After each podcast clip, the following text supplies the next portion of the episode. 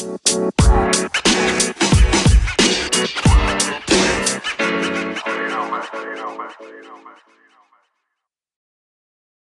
Kest'ten herkese merhaba. Deadline Day mikrofonun yeni bölümüyle karşınızdayız. Yanımızda Enes var. Enes hoş geldin. Hoş bulduk abi. Ee, bugün yine e, bitmiş ve bitmesi e, yaklaşan transferleri konuşalım diye düşündük. Ee, ilk olarak da bir milli futbolcumuz Premier Lig'in yolunu tuttu. Onunla başlayalım istedik. Ozan Tufan Watford'da e, sözleşme imzaladı. Kiralık olarak Watford kadrosuna katıldı. Fabrizio Romano'nun haberine göre Watford ligde kalırsa satın alma zorunluluğu varmış.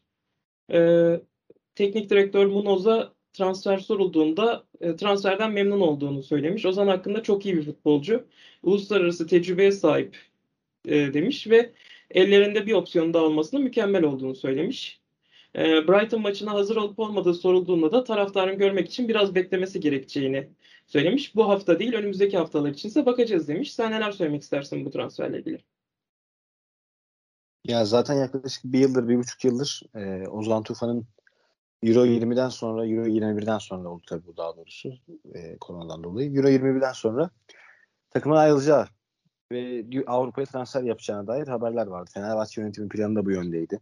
Oradan bir gelir sağlayıp e, Ozan'ın boşluğunu durabileceklerini düşünüyordu ki aslında e, sayısal olarak doldurdular çoktan. Ozan rolünde bir oyuncu alındı mı bilinmez ama orta saha kalabalıklığı vardı zaten Fenerbahçe'de.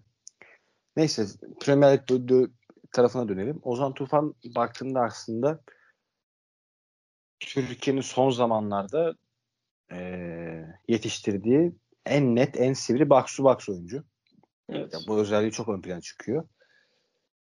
Ama ya Premier Lig konusunda benim şahsen bazı Ozan Tufan'la alakalı şüphelerim var. Kilo sorunu ee, biliyorsun o Arşavi'nin meşhur açıklaması var. evet. Hani ilk ilk maçıma çıktığımda ciğerlerim patlayacakmış gibi hissediyorum diyordu. Premier Lig'in hani biz şimdi izlemeye izleye izleye alıştık. Dünyada, Türkiye'de de dünyada çoğu artık insan düzenli şekilde Premier Lig izliyor. Futbolu Premier Lig üzerinden takip ediyor. Ee, ama işte mesela bir İtalya maçını izlediğinde anlıyorsun. İtalya'da Serie A'da bir maç izlediğinde anlıyorsun. Ee, oyunun aslında kadar farklı olduğunu. Ozan'ın işte bu hem kilo probleminde yıllardır var. O kilo ile Premier Lig'de nasıl oynayacak? O tempoyu, o hızı nasıl kaldıracak? Benim şu an tek problemlerim onun e, düşüncem, problem, sorun olur düşüncelerim bunlar. Ee, yoksa ne şey olarak oynar Ozan. Özellik olarak Premier Lig kaldırabilecek bir oyuncu. Ama işte fiziksel sıkıntıları nasıl açacak onu merak ediyorum. Ve Ozan Tufan'ın da Premier Lig kariyerindeki kilit nokta bu olacak. Mesela Okay geçen yıl gitti. Çok fark ettirdi. Okay Ozan'ın göre daha defansif bir oyuncu zaten. O rol olarak farklı olsa da yani Türkiye'den yetişmiş bir oyuncu bir orta saha Premier Ligi kaldırabildi geçen sezon. Bu sezonda evet. kalacağı söyleniyordu ama daha sözleşme imzalamadı kimseyle Celta Vigo halinde. Ozan eğer dediğim gibi özellik olarak Okay'ın daha uygun Premier Lig'e. Ama fiziksel sıkıntılarını çözmesi lazım. Ee, katılıyorum ben de. Ee, yani burada tek şey yanı Watford'ın oyunu. Yani Watford biraz daha yani eğer Ozan'ı defansif bir rolde konumlandıracaksa ve e, yani Watford daha böyle hızlı çıkan bir takım. E, genelde Ozan'ı topu kazanıp e, yana vermesiyle ilk başta kullanacağını düşünüyorum. Ya ben Ozan'ın lige gitti, gittikten sonra genelde Türk futbolcular yurt dışına gittikten sonra bu dönüşümü yaşayabiliyorlar. Yani ben e, şeyde de hatırlıyorum ya Arda'da da mesela ilk başta gittiğinde e, ki Ozan kadar e, kilo sorunu yoktu. O bile çok sorun yaşamıştı Atletico'da ama çözdükten sonra e, bu, bu sorun ortadan kalkmıştı. Yani e, takıma alıştıktan sonra bu sorun kalkmıştı. Ya ben Ozan'ın da tabii ilk başlarda çok zorlanacağını ancak e, eğer gerçekten kafasını bu işe verirse kafasına Premier Lig'de kalmayı koyarsa e, vücudunda ya oraya uyum, uyum sağlatabileceğini düşünüyorum. Ee, bu arada Watford bir fact file diye bir yazı yaz yayınlamış internet sitesinde. Ozan'la ilgili kısa kısa bilgilerden bahsetmiş. Orada 63 kere milli formayı giymesinden e, bahsedilmiş. Defansif rolde olmasına rağmen gol ve asist sayıların fazlalığına dikkat çekilmiş. Uzaktan şutlarına ve oyunu iki yönlü oynamasına dikkat çekilmiş. Bu arada Watford tarihinin ilk Türk oyuncusu olduğu ve şu an ligdeki dördüncü Türk milli futbolcu olduğu belirtilmiş. Çağlar Söyüncü, Cenk Tosun ve Halil Dervişoğlu ile birlikte. Ha, bu arada gollerinden bahsederken taraftarlarına da e, Almanya, Danimarka, Real Madrid ve Beşiktaş'a karşı attığı gollere de bakmalarını tavsiye etmiş. E, son olarak Watford'un kadrosunda eski Bursa sporlu Ekong, e, eski Trabzonsporlu Kuçka ve geçen sezon Galatasaray'da kiralık oynayan Etabo'nun da olduğunu e, hatırlatmak lazım. Çok ilginç bir takım oldu. Yani Türkiye Ligi görmüş 4 futbolcuya sahip bir takıma dönüştü Watford. Yani, e, bunu Premier Lig'de başka bir zaman göre, başka bir takımda görebileceğinizi hiç sanmıyorum. E, ilginç bir yapı oldu. Yani Watford bu yıl e, Türk taraftarlar için ilgi çekici bir kulüp olacak herhalde. Watford Türk gücü. Ee, yani çok başarılı olabilir. Devre arasında Türkiye geri dönen bir öyle transfer oldu birazcık ya. Ama Watford'un defansif oynaması ofansa hani yani Ozan'ın mesela örnek veriyorum. Sürekli git gel git gel yapmak zorunda olmaması mesela set takımda oynasa Ozan geri koşmak evet. zorunda kalacak düzenli olarak. Çünkü kontra yiyorsun set oynadığın zaman. Hücuma bir daha gideceksin, bir daha geleceksin. Daha yorucu. Defansta bekleme takımda oynayacağı için aslında bekler şanslı o açıdan yani kurtarabilir. İsmail Asar zaten net yani İsmail Asar en büyük hücumcu bu takımın. O da sen bir kontra takımısın demek. Koşu mesafesinin az olacak olması o zaman biraz kurtarabilir. Aynen ama öyle. Işte, bu sebepten ötürü mesela o sürpriz golleri izleyin falan filan demiş ama Watford File'da o sürpriz goller kontrada Ozan'dan gelirim onu tam kestiremiyorum. Ozan Bayaktar böyle sette oyun sıkıştığında vuruyordu o şutları uzaktan. Hı hı. Hmm, kontrada, kontrada hiç hatırlamıyorum ben yani bir anda çekip uzaktan vurduğunu. Benim de şu an aklıma gelmedi. Ee, dediğin gibi yani Arşavin örneği evet de o zamanın Arsenal futbolunda tekrar hatırlamak lazım. Yani Arşavin'in gerçekten e, yorulacağı kadar vardı o zaman Arsenal'indeki futbol. Ya Ozan tabii böyle bir şeyle karşılaşmayacak. E, ama e, yani tabii ki kendisini bu, bu alanda çok geliştirmesi lazım. Bu ligde tutunmak istiyorsa özellikle. E, istersen Ozan'la ilgili ekleyeceğim bir şey yoksa e, Arsenal'in transferler, transfer ve transfer iddiasına geçelim buradan sonra. Geçelim. Şanlar sevinci. Evet. E, Ödegaard'la başlayalım istersen. Ha, Ödegaard'ın transferin artık tamamlandığına dair haberler gelmeye başladı. Geçen sezon devre arası kiralık gelmiş. 14'lik 6'da Avrupa Ligi maçına çıkmıştı. 22 yaşında futbolcu 30 milyon pound artı bonus deniyor ki bonusun 4 milyon civarı olduğu konuşuluyor. Ee, söylenti ayrıca e, 2026'ya kadar kontratın olacağını söylüyor. Neler söylemek istersin Ödegaard'la ilgili? Ya bir Arsenal taraftarı olarak bu süreci Ödegaard'ın kiralık sözleşmesi bittiği günden beri yakından takip ediyorum. Her gün haberleri düşüyordu karşıma. Ee, bu transfer şöyle başladı. İlk başta Arsenal istiyordu. Ödegaard ben Ramat'ta kalırım artık diyordu. Ancelotti geldi. Ancelotti bekler 4-2-3-1 oynatan bir hoca. Odegaard'ın bölgesinde de yer vardı. Hani Modric yaşlanıyor. Casemiro, Kroos, Real Madrid'de bir değişim var falan filan. Hani Zidane da gitti. Zidane zaten hiç kullanmıyor forvet arkası biliyorsun. Hı hı. İlk sezon bir Isco'yu Hames'i 4-4-2 baklavada kullandılar. Ondan sonra komple 4-3'e döndü. Ve hiç yani Isco'nun düşüşü, Casemiro'nun şey e, Hames'in düşüşü oradan sonra başladı. Odegaard da işte Ancelotti'yle beraber forma şansı bulurum düşüncesindeydi. Ve Real Madrid'de kalacağına dair bir açıklama yapmıştı galiba. Yani paylaşmış Arsenal'de devam etmeyeceğini paylaşmıştı. Ama beklediğini bulamadı. Ve hazırlık maçlarında olsun işte e, herhalde antrenman sürecinde de Odegaard'ın yine Real Madrid düzenli oynayamayacağı ortaya çıktı. Bunun üzerine de artık dedi ki benim gitme vaktim geldi ve gitmek istediğini söyledi. Arsenal bu hani Odegaard'ın ayrılma süreci başlamadan önce de Odegaard'la ilgileniyordu. Çıkan haberler 50 milyon 60 milyon euro civarındaydı Odegaard için. Odegaard e, yönetime ben gitmek istiyorum beni Arsenal'e gönderin dedikten sonra fiyat 30'a düştü. Bu 30 milyon euro şu piyasada Odegaard için sudan ucuz. Çok iyi transfer yani o açıdan. Hele Arsenal'in sanatlarını düşündüğümüzde yani Pepe'ye 80 verdik biz. Bundan 3 yıl önce. sudan ucuz oradaki. Hadi Pepe'yi boş verin. Bir sonraki transferin Ramsdale yedek kaleci bize 30 veriyoruz takımın en yetenekli oyuncusu olacak adama 30'a bitirmek ve 22 yaşındaki bir adam 30'a bitirmek çok iyi bir durum. Arsenal yine genç bir çekirdek oluşturuyor. Evet. Bu bir yandan güzel bir şey. Bir yandan da işte o 2010'lardaki 2012'lerdeki o Nasrin City'ye Percy'nin United'a gittiği Spanya'nın Manya'nın işte yaptığı yılları da bir yandan hatırlatıyor. İşte bir yandan bir travmatik yanında var ama bir yandan da eğer işte olur da bu kez tutabilirse bundan birkaç yıl sonrasında Arsenal iyi bir takım olabilir. Yani şöyle söyleyeyim şu an Arsenal çok e, alay edilen bir takım. Dün akşam toplantıda da gelen geçen bize çakıyordu hatırlıyorsun. Arsenal'e. Ama şeyi düşünmek lazım. Yani ben mesela biliyorsun benim tuttuğum 3 takım var. Hepsi şu anda yeniden toparlanma sürecinde olan takımlar. Ben 3 takımla alakalı konuşurken sürekli bir örneği veriyorum. 2015'te Klopp'un Liverpool'a gelmesi. Evet. Yani şu an o bu benim Barcelona hadi Barcelona belki de ayırıyorum. Barcelona o kadar kadro olarak o kadar değil.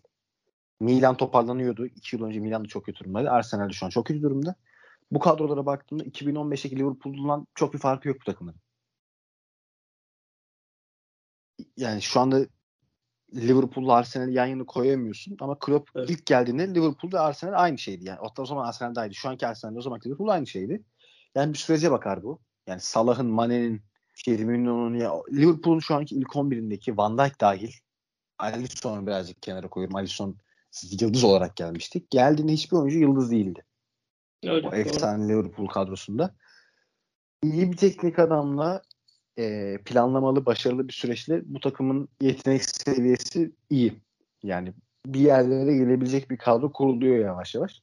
Ama işte şu ana kadar ben artık hiç eleştirmedim. Çünkü iyi bir kadrosu olduğunu düşünmüyorum. Kendimden düşünmüyorum. Ama bundan işte bu kadroyu 2 yıl sonra, 3 yıl sonra nereye getirebileceği artık Arteta'nın geleceğini belirleyecek. Arsenal'deki geleceğini de direkt menajer olarak hangi standartla kalabileceğini gösterecek. Liverpool Liverpool'a kulüp ilk geldiğinde bana bir 4-5 yıl tanımanız lazım dedi. Adam 4 yıl sonra Şampiyonlar Ligi kazandı. 5 yıl sonra Premier Ligi kazandı. 30 yıldır kazanamıyor. Liverpool ilk Premier Lig şampiyonluğu bu. Hı hı. Arsenal'de de işte belli bir aynı süreci kovalıyor. Ama işte yönetimin futbol aklı bu kadar yet- buna yetecek mi? Artık da bunun altından kalkabilecek mi? Şu an Arsenal'deki soru işaretleri bunlar. Odegaard çok iyi bir fırsat transferi. Madison'dan da geçen hafta da konuştuk. Ben daha verimli olabileceğini düşünüyorum. Ki fiyat 30'a düştü. Madison'da 60-70'ler konuşuluyordu.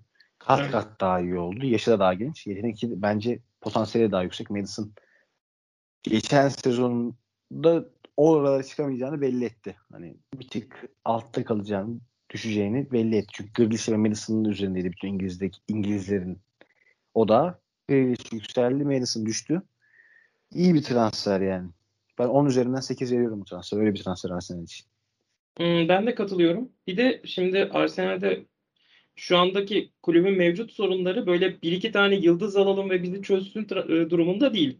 Yani kadronun baştan yapılanması gerekiyorsa böyle 22-23 yaş grubunda önemli yetenekleri kadroya katmak çok önem kazanıyor. Yani belli bir süre süreçle birlikte bu takımın yükselmesi gerekiyor. Zaten işte önemli e, yetenekler de var. Smith Rowe'da da sözleşme yenilendi e, Bukayo Saka gibi bir isim var. Ya böyle bir durum varken ya zaten gençler geliyorken bir de yanlarına önemli ve onların yaş seviyelerine yakın e, yetenekli oyuncuların eklenmesi şu an Arsenal'in e, için mantıklı görünen bir e, çıkış yolu.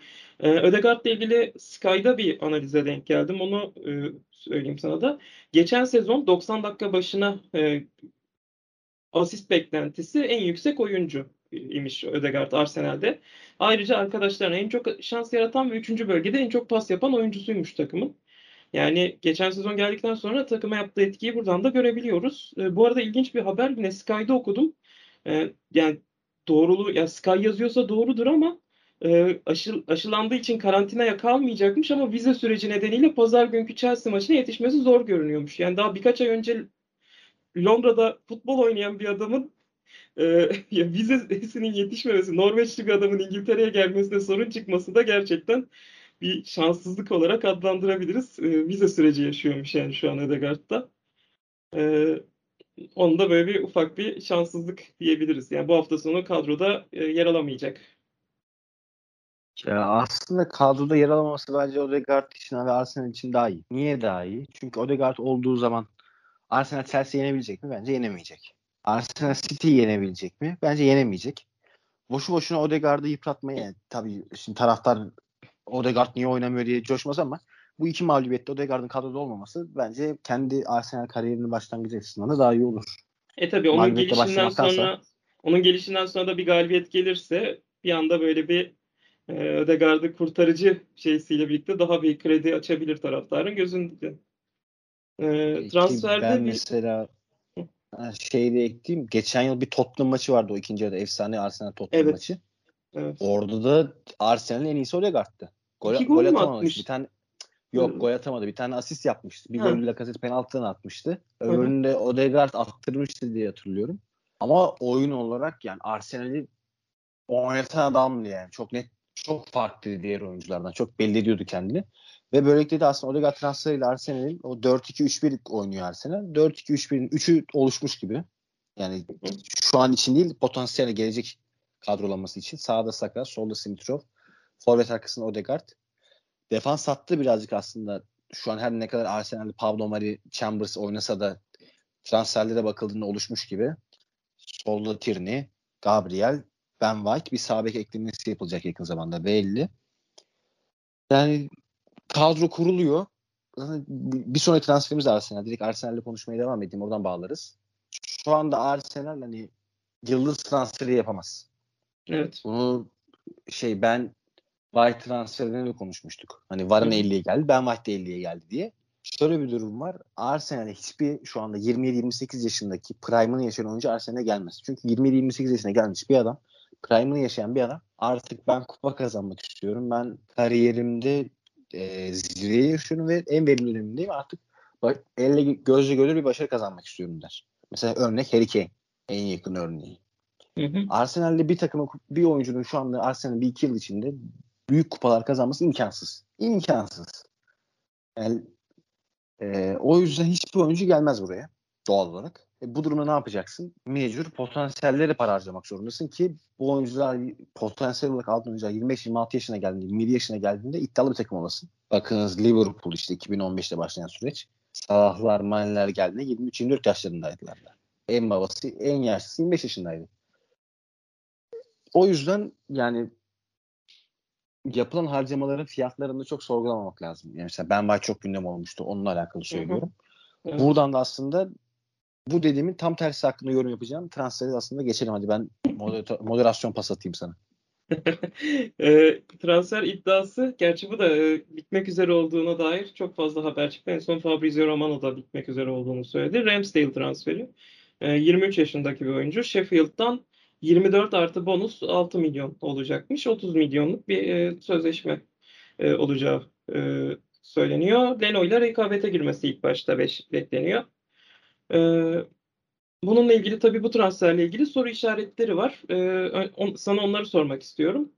E, birinci soru böyle bir başka yerlere hamle gerekirken e, gerekli miydi sorusun İngiliz basında birkaç programda konuşulmuş. E, ikincisi de Emiliano, Emiliano Martinez'in 20'ye satılıp Ramsdale'in 30'u almak sence doğru bir hamle mi? E, bu iki konu bugün e, takip ettiğim Premier Lig'le ilgili e, sayfalarda çeşitli programlardan böyle e, klipler alınarak paylaşılmıştı. Çok konuşulan bir soru olduğu için sana da bir Arsenal taraftarı olarak sormak istedim. Ne düşünüyorsun bu konuda? Ya bu transferi mantık çerçevesinde ben kafamda şu tek bir şekilde oturtabiliyorum.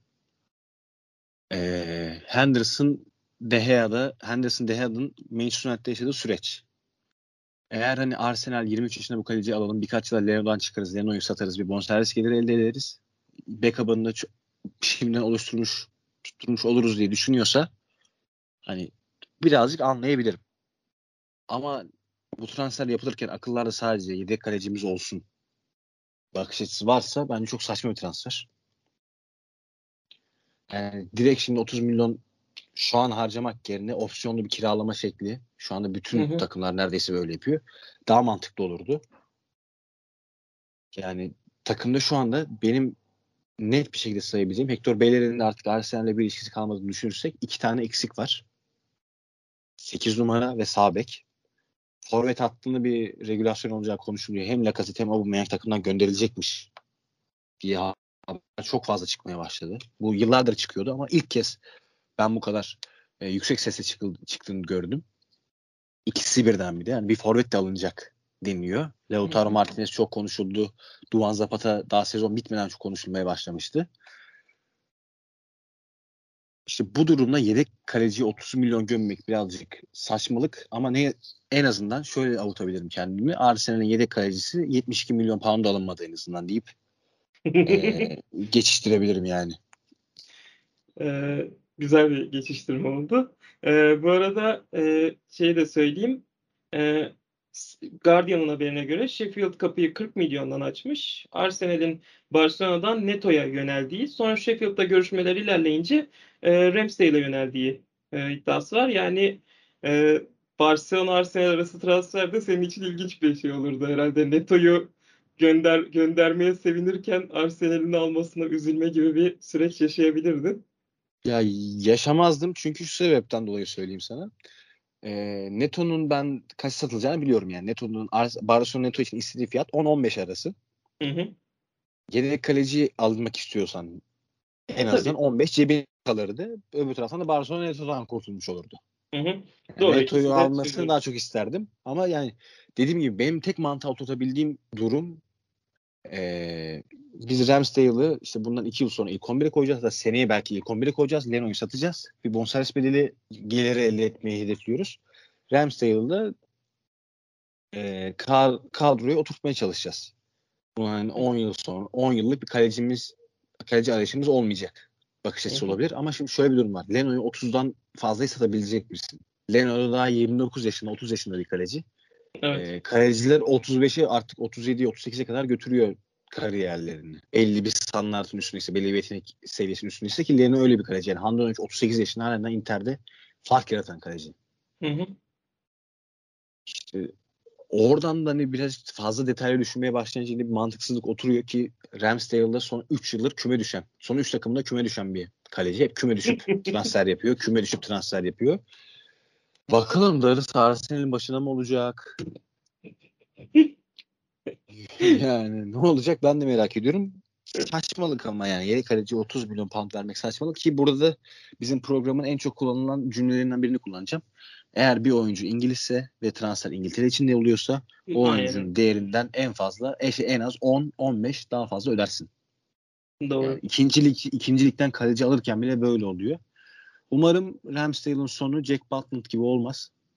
Stokes'in efsane kalecisi şu anda Crystal Palace'da yedek. Hı hı. O da çok büyük potansiyel. İşte İngiltere milli takım birinci kaleciliğine kadar çıkmışlığı var. Pickford'dan önce bir çok kısa bir dönemde o oynadı diye hatırlıyorum ben. Evet, evet sonra onu ben Pickford'dan de önce. Ve oyuncunun da hani şey olması bekleniyordu. Ee, cidden iyi bir kaleci olması bekleniyordu. Üst seviyede yani Big Six yapacağı garanti gözündeydi Stock'tan sonra ama Stock küme düştü. Stock küme düştükten sonra işte o kadrodaki çoğu Premier Lig standartlarında iyi isim diyebileceğimiz mesela Shaw Cross vardı. Pick, şey Butland vardı. Joe Allen vardı. Bu oyuncular silindi gitti. Doğru.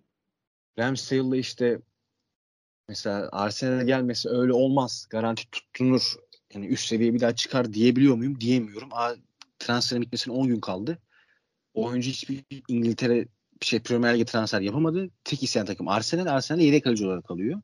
Bu aslında oyuncunun piyasasının olmadığını gösteriyor ama biz 30 milyon pound veriyoruz. O da birazcık saçma. Yani çok artı bir transfer değil yani. Dediğim gibi detaylı düşününce hiçbir şekilde savunamıyorsun.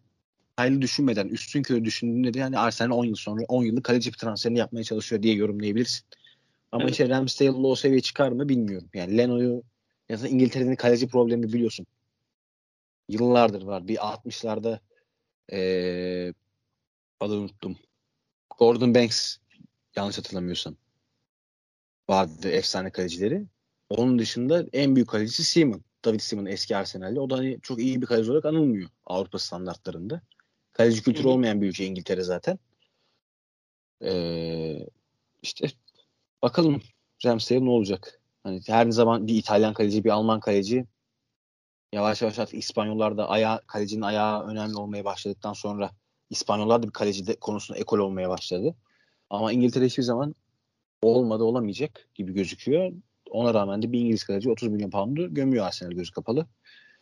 Bakalım keşke bu kulübü Kutluhan yönetse ben yönetsem. Hadi onları da geçtim. Ben benim bir iddiam var. Şeyde de çok söylemişim. Invincible'da da çok söyledim. Bu kulüp transferi şöyle yapsa daha iyi transferler yapar. TM'de ikincilik bir tane Premier şey İngiltere ikincilikte bir takım alıp açacaksın kariyer. Orada bakacaksın abi Arsenal kimi alıyor? Oyunda. Sana ciddi söylüyorum daha iyi transfer yaparsın. Denendi onaylandı yani. Katılıyorum bu arada. Şey e, ben de herhangi bir takımla kariyer yaparken gerçekten Arsenal çok iyi transferler yapıyor. E, ancak Gerçekte maalesef. Yani oyunda şey var. Yapay zekanın şeyini görüyorsun. Hani bu takım aslında mantıklı ellere bırakılırsa iyi yerlere gelebiliyor. Gerçeğini görüyorsun oyunda şey olduğunda. Ya. Simülasyon simülasyonda denendi, onaylandı yani. Evet Ee, Arsenal'in Arsenal'in gelirleri yani az buz değil ciddi anlamda. İngiltere'nin en pahalı e, maç bileti Arsenal'de satılıyor. Ve stat bu rezilliğe rağmen tıklım tıklım dolu yani şey alamıyorsun. Bilet alamıyorsun. Evet. Ama işte kulübün sahipleri bunu bir rekabet ortamı değil de bir gelir kapısı olarak gördüğünden dolayı Arsenal sadece kar yapmakla meşgul. Aynen öyle. Öyle ya. Arsenal'in durumu bu. Ne yazık ki. Ee, bu arada Ramsdale ile ilgili bir iki şey daha söyleyeyim. Ee, Sheffield menajeri Slavica Jokanovic ile konuş, e, şey sorulmuş. Ee, aslında istediğim bir durum değil ama durum, t- e, bu durumu bunu durdurmak çok zor. Kulüp için büyük bir anlaşma. Premier Lig'den düştük. Bu yüzden hayır demek zor diye bir açıklama yapmış Guardian'a. Ee, Sky'a da West Brom'la oynanan lig maçında oynamaması sorulduğunda da e, maça hazır olmadığını hissettik ve onu oynatmama kararı aldık demiş. Yani kafasının biraz karıştığından da bahsetmiş e, bu şeyde e, transfer sürecinde. E, bir de şeye dikkat çekmek istiyorum. Brentford'da oynanan maçta U23 takım kalecisi Karl Hein kulübedeymiş. E, Run, Runarsson herhangi bir sakatlığı olmamasına rağmen kulübeye yazılmamış. Yani bu Runarsson'un da gönderileceği e, düşünürse şu an aslında yedek kaleci de, de yok. Yani Ramsdale'ın alındığı ortamda. E tabii bunun bir nedeni de Emiliano, Emiliano Martinez'in satılması. E, yani bir yedek kaleci tabii ki gerekiyordu ama e, ben de sana katılıyorum. Yani bu, bu yedek kaleci 30 milyona mı alınmalıydı? O, o bende de soru işareti olan bir konu. E, yani dediğin gibi Neto'nun mesela ya da tecrübeli bir kaleci. Genelde Premier Lig takımlarının ben, benim beğendiğim bir yöntemdir bu. Hani tecrübeli 35 o- hatta belki de 35'in üstü bir kaleciyi alıp kulübede tutmak, onu hazırda tutmak e, böylece genç oyuncunun da gelişimini engellememek de gayet mantıklı bir e, plan. Yani şu an, şu an mesela Leno çok iyi bir sezon çıkarttı. Ramsdale bütün sezonu kulübede geçirme durumu var. E, Ramsdale çok iyi oynarsa e, Leno bu takımın e, en önemli oyuncularından bir tanesi. Yani lider oyuncularından bir tanesi. Ya böyle bir kafa karışıklığı çok olacak bir durum. Ee, göreceğiz yani sezon içinde kim ne kadar oynayacak, e, hangi mesela kupada bir, biri oynayacak mı ligde hep birine mi forma verilecek yoksa performansa göre mi ayrılacak? E, bunu görmek gerekiyor. Ama dediğim gibi yani ilginç bir transfer. Ben de olsam yani senin dediğin gibi, gibi e, daha uygun bir kaleciye gidip e, sağ bek ve orta saha transferlerinde yani alacağım oyuncunun belki bir tık kalitelisine e, yönelmeyi tercih edebilirdim. Ama Arsenal e, yönetimi maalesef. Ya ben sen hani çok güzel şeye geldin. Bu yedek yaşlı kaleci, yedek kalecilerin yaşlı ve belli bir tecrübenin üzerinde olması konusunda ben onu söyleyecektim. Senin sözünü bitirmeni bekliyordum. Hemen birkaç örnek vereyim mesela. Ee, Willy Caballero hem Arsenal şey hem Hı hı. Chelsea hem City'nin yıllarca yedekliğini Evet. yapmış. Bir Tottenham'ın efsanesi zaten 10 yıl boyunca yedek kulübesine bitirmiş Michael Vaughan var. Bir ara şey sakatlandı yine aldılar. E, Loris Hı. kolunu kırdığında geri almışlardı, kiralamışlardı. Premier Lig'in hani bu kültürü aslında yani ligin kültürü bu. Yedek kalecinin yaşlı ve yarı antrenör gibi olması aslında öyle söyleyeyim. Geçen Çeh'in biliyorsun şey çıktı. Lisans çıkardılar Çeh'e bir daha şeyde. Chelsea'de. evet. Ya mesela ben hani direkt piyasadan düşünüyorum. Tottenham'ın elden çıkardığı Gazaniga, Joe Hart. Aslında yedek, kale, yedek bir kaleci ara- için Oynamıştı. E, Loris'in sakatlığında diye hatırlıyorum. Yanlış hatırlıyor olabilirim ama. evet evet. Loris bir sakatlandı. Gazaniga oynadı. oynadı. Bir, bir 3-4 ay oynadı. İyi de oynadı bu arada. Bence Aha, kötü evet oynamadı. evet hatırlıyorum onu. Yazın yazın Loris sakattan öyle de Hart'ı aldılar. Bu yıl ikisinden de çıktı Tottenham. Gollini'yi aldılar Atalanta'dan. Kiraladılar. E mesela Gollini'yi şu anda ücretsiz kiraladılar. Opsiyon 12 milyon euro. Geçen yıl Atalanta'nın az kalecisiydi. Atalanta Şampiyonlar Ligi yarı final kovalarken kalede Gollini vardı yani. Aynen öyle. Bu tarz ucuza transferler yapılabiliyor. Ama dediğim gibi mesela Joe Hart bence çok iyi bir yedek kaleci oynuyor. Şey gitti, Celtic'e gitti bedavaya. Gazaniga şu anda benim bildiğim hani haberini hiç okumadım. Hangi takıma gittiğini bilmiyorum. Büyük ihtimalle Arjantin'e dönmüştür. Gazaniga'da mesela e, iki saniyede aklıma gelen isimler bunlar. Hı hı. Daha mantıklı opsiyonlar vardı ki ne, keza Neto bile aslında düşünüyor daha mantıklı. Şu anda Barcelona şey sakat, Ter Stegen sakat. Neto kalede başladı. Yani kötü bir vasat bir performans sergilemiyor yani. Yine kaleciliğini yapıyor adam. Üzücü yani dediğim gibi. Evet, mesela City'den örnek vermek gerekirse Zek, Zek Steffen e, Amerikalı kaleci e, şu anda şey. O da şimdi kontrol ettim 6 milyon gibi bir bonservisle gelmiş. E, zaman zaman kiraya da verildi. E, geçtiğimiz sezonda hem FA Cup maçlarında bu yıl şeyde bile kaleci e, Community Shield maçında bile kaledeydi. E, kötü, çok iyi bir oyuncu mu? Değil. Çok kötü mü? Hayır o da değil. Yani 23 kere Amerika milli takımının formasını giymiş belli bir tecrübe sahip 26 yaşında bir kaleci. Yani bu tip bir e, yedek ortamına yani yedek kaleciler zaten bir tek kupada oynayan e, oyuncular oldukları için eğer çok büyük bir sakatlık durumu yoksa e, yani çok da para harcamak gerektiğine çok da emin değilim ben açıkçası. E, yani şeyi de tercih mesela ederdim. Şimdi... Mesela Ramsdale'i alıp e, bir yıl Sheffield'da tutmak da kötü bir fikir miydi? Yani daha belki düşük yani şey gibi kiralama bedeli gibi yani düşünürsek 24 diyorsak atıyorum daha düşük ama 2 yıl, 1 yıl e, Sheffield'da kalması. Böylece Lennon'un e, oynadığı sürede Lennon'un da şey olması bir de tercih edilebilirdi gibi geliyor bana. Ya tabii. Mesela şimdi Arsenal'de şöyle bir durum da var. Bu takım Avrupa'ya gitmiyor. Sadece İngiltere'deki kupalar var. Yedek kalecini oynayabilecek. Geçen United Henderson üzerinden yapılan e, Avrupa'da Henderson ligde Deha olayı da olmayacak yani. Hı-hı. Baktığında. Ki o, o olaydan da galiba final maçına vazgeçtiler. O maçta da Deha penaltılardan affetti yanlış çok, hatırlamıyorsam. Çok kötü bir performans. Çok güzel, çok çok çok iyi denk geldi yani United açısından da. Ya mesela Sheffield'dan Sander Berge'yi alsan sen ben daha mutlu olurum öyle söyleyeyim. Katılıyorum bu arada. Bence daha çok ihtiyaç. Berge çok beğendiğim bir oyuncuydu benim de. Ona da ee, yazık olacak. O da ikincilikte kaldı. Sheffield evet. dönerse yine iyi de dönemezse çok büyük kariyerinde beklediği yerlere gelemeyecek büyük ihtimal öyle gözüküyor. Aynen öyle. Bu arada transferle ilgili son olarak şey detayını da vereyim. Ee, Bournemouth'un 19 milyonun üstündeki paralar, paradan %15 pay alacağını da hatırlatayım. Ee, yani şey kardan pay maddesi koydurmuş. Onun dışında benim transferle ilgili başka söyleyeceğim yok. Ee, senin de sen var mı bu konuyla ilgili başka eklemek istediğin? Sheffield'da büyük o yüzden fiyatı çok yukarıdan açtı ki bizim cebimize para girsin diye. Evet. Yani çok gereksiz transfer. Ben üzülüyorum yani bu paraların böyle saçma sapan harcanmasına. Çünkü yani ciddi anlamda detaylı ve düzgün transfer yapısının neler olduğunu en yakın örneği işte Brentford. Evet. Moneyball muhabbeti. Yani mesela şimdi yine Arsenal ihtiyaçlarına örnek vereceğim. Sağ bek almaya çalışıyorsun. Bugün işte bu hafta Inter 12.5'a e, Euro 20'nin en iyi sağ beklerinden Dumfries aldı. 12,5 milyon euro. Evet tweet attım ben de bedava diye. Gerçekten bedavaya aldı resmen ya. Bedava soygun yani. Başka hiçbir şey değil. Yani, evet, mesela ki, hamleler yapılabilir. Yani, lige Chambers'la başladı Arsenal sağ bekte. Yani Chambers lütfen yani Chambers. Artık yani. Brentford maçında da çizgi üstünde bir topu e, çıkarmaya çaba, çabaladığı bir pozisyonla da gerçekten Chambers tekrar kendini hatırlattı Arsenal taraftarına.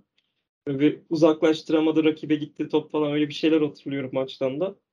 Yani gerçekten çok daha akıllıca hamleler yapılabilir ama e, yapılıyor mu çok ya o, o futbol aklı oluyor mu maalesef olmuyor.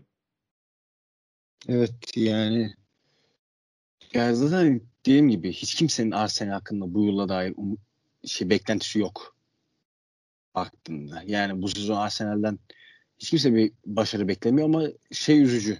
Yani transfer döneminin bitmesine 10 gün var. Lig başlamış. Senin ilk lig maçında defans hattında hem Chambers hem Pablo Mari oynuyor. Yani ben geçen yıl yine Invincible'sa şey dedim. Chambers, David Luiz, Pablo Mari. Sol bekte bir yer sezdik oynamıştı birkaç maç Çerni sakatken. Hadi onu saymıyorum. Bu üçlüyü sayıyorum. Ya bu üçü herhangi bir Türk takımında oynasa şaşırır mısın abi? Hmm, yani şaşırmam desem. Yani. Ki yani David Luiz'in David Luiz'in adı Türk takımlarıyla bu sezon ciddi ciddi anıldı. Büyük ihtimalle Türkiye yapacak deniliyor. Adana Demir'le. Kadar. Yani büyüklerden birinden çok Adana Demirspor'la anıldığında adının hatırlayalım bize yeni çıkan. Aynen. Bir işte Pablo Mari Beşiktaş'ta anıldı. Galatasaray'la anıldı çok kısa bir dönem. Yani Kolasinac e, geçen sezonun ortasına kadar Arsenal'in rotasyonunda ciddi süre alan bir oyuncuydu. Geçen yılın sonunda küme düşüş erkeğiyle bu yıl Fenerbahçe'ye gelecek. Yani Arsenal'in bir Big Six takımının ana defans hattındaki e, 4-5 oyuncu hatta bak Sokrates'te Mustafi'yi de ekliyorum. Mustafi'nin şu anda kulübü yok. Sokrates'te Olympiakos'ta oynuyor. 6 tane Arsenal rotasyonu olan oyuncu Türkiye Ligi ile e, Türkiye Ligi seviyesinde gözüküyor. Talep, talepleri Türkiye Ligi'nin oyuncular, şey takımlar. Öbürü Yunanistan Ligi'nde oynuyor. Birinde şu anda kulübü yok. Yani bizim ne çektiğimizi, bir Arsenal taraftarının ne çektiğini benim şu kısa cüm cümlemden bile anlayabilirsiniz. Yani bunlar ana rotasyon partisi. Yani yedek oyuncusu değil. Yani Sokrates ve Mustafi bu takımın son 3 yılındaki 2 sezonunun ana stoperleriydi. Birinci, ikinci stoperde yani. Doğru. Biri Olympiakos'ta, öbürünün şu an kulübü yok. Transfer etmesine 10 gün kaldı. Yani evet Arsenal'in sorunlarını herhalde e, yarın sabaha kadar konuşuruz yani. Beni konuşuruz. durdurman lazım. Ben çünkü düşündükçe daha yeni şeyler geliyor aklıma. Bugünlük istersen burada kapatalım. Ee, önümüzdeki hafta yine transfer haberleriyle karşınızda oluruz diye. Yani artık e, seni mutlu etmek için Arsenal'in bir sağ bek ve orta saha transferiyle de umarım karşılaşırız. Şey e, karşınızda oluruz diyerek bugünlük e, burada kapatalım istersen. Emin ol sağ beke gerek yok. Orta sahasınlar benim için bu sezon tamam derim ben yani. evet, izlediğiniz için yani dinlediğiniz için e, çok teşekkürler. E, haftaya görüşmek üzere. Hoşçakalın.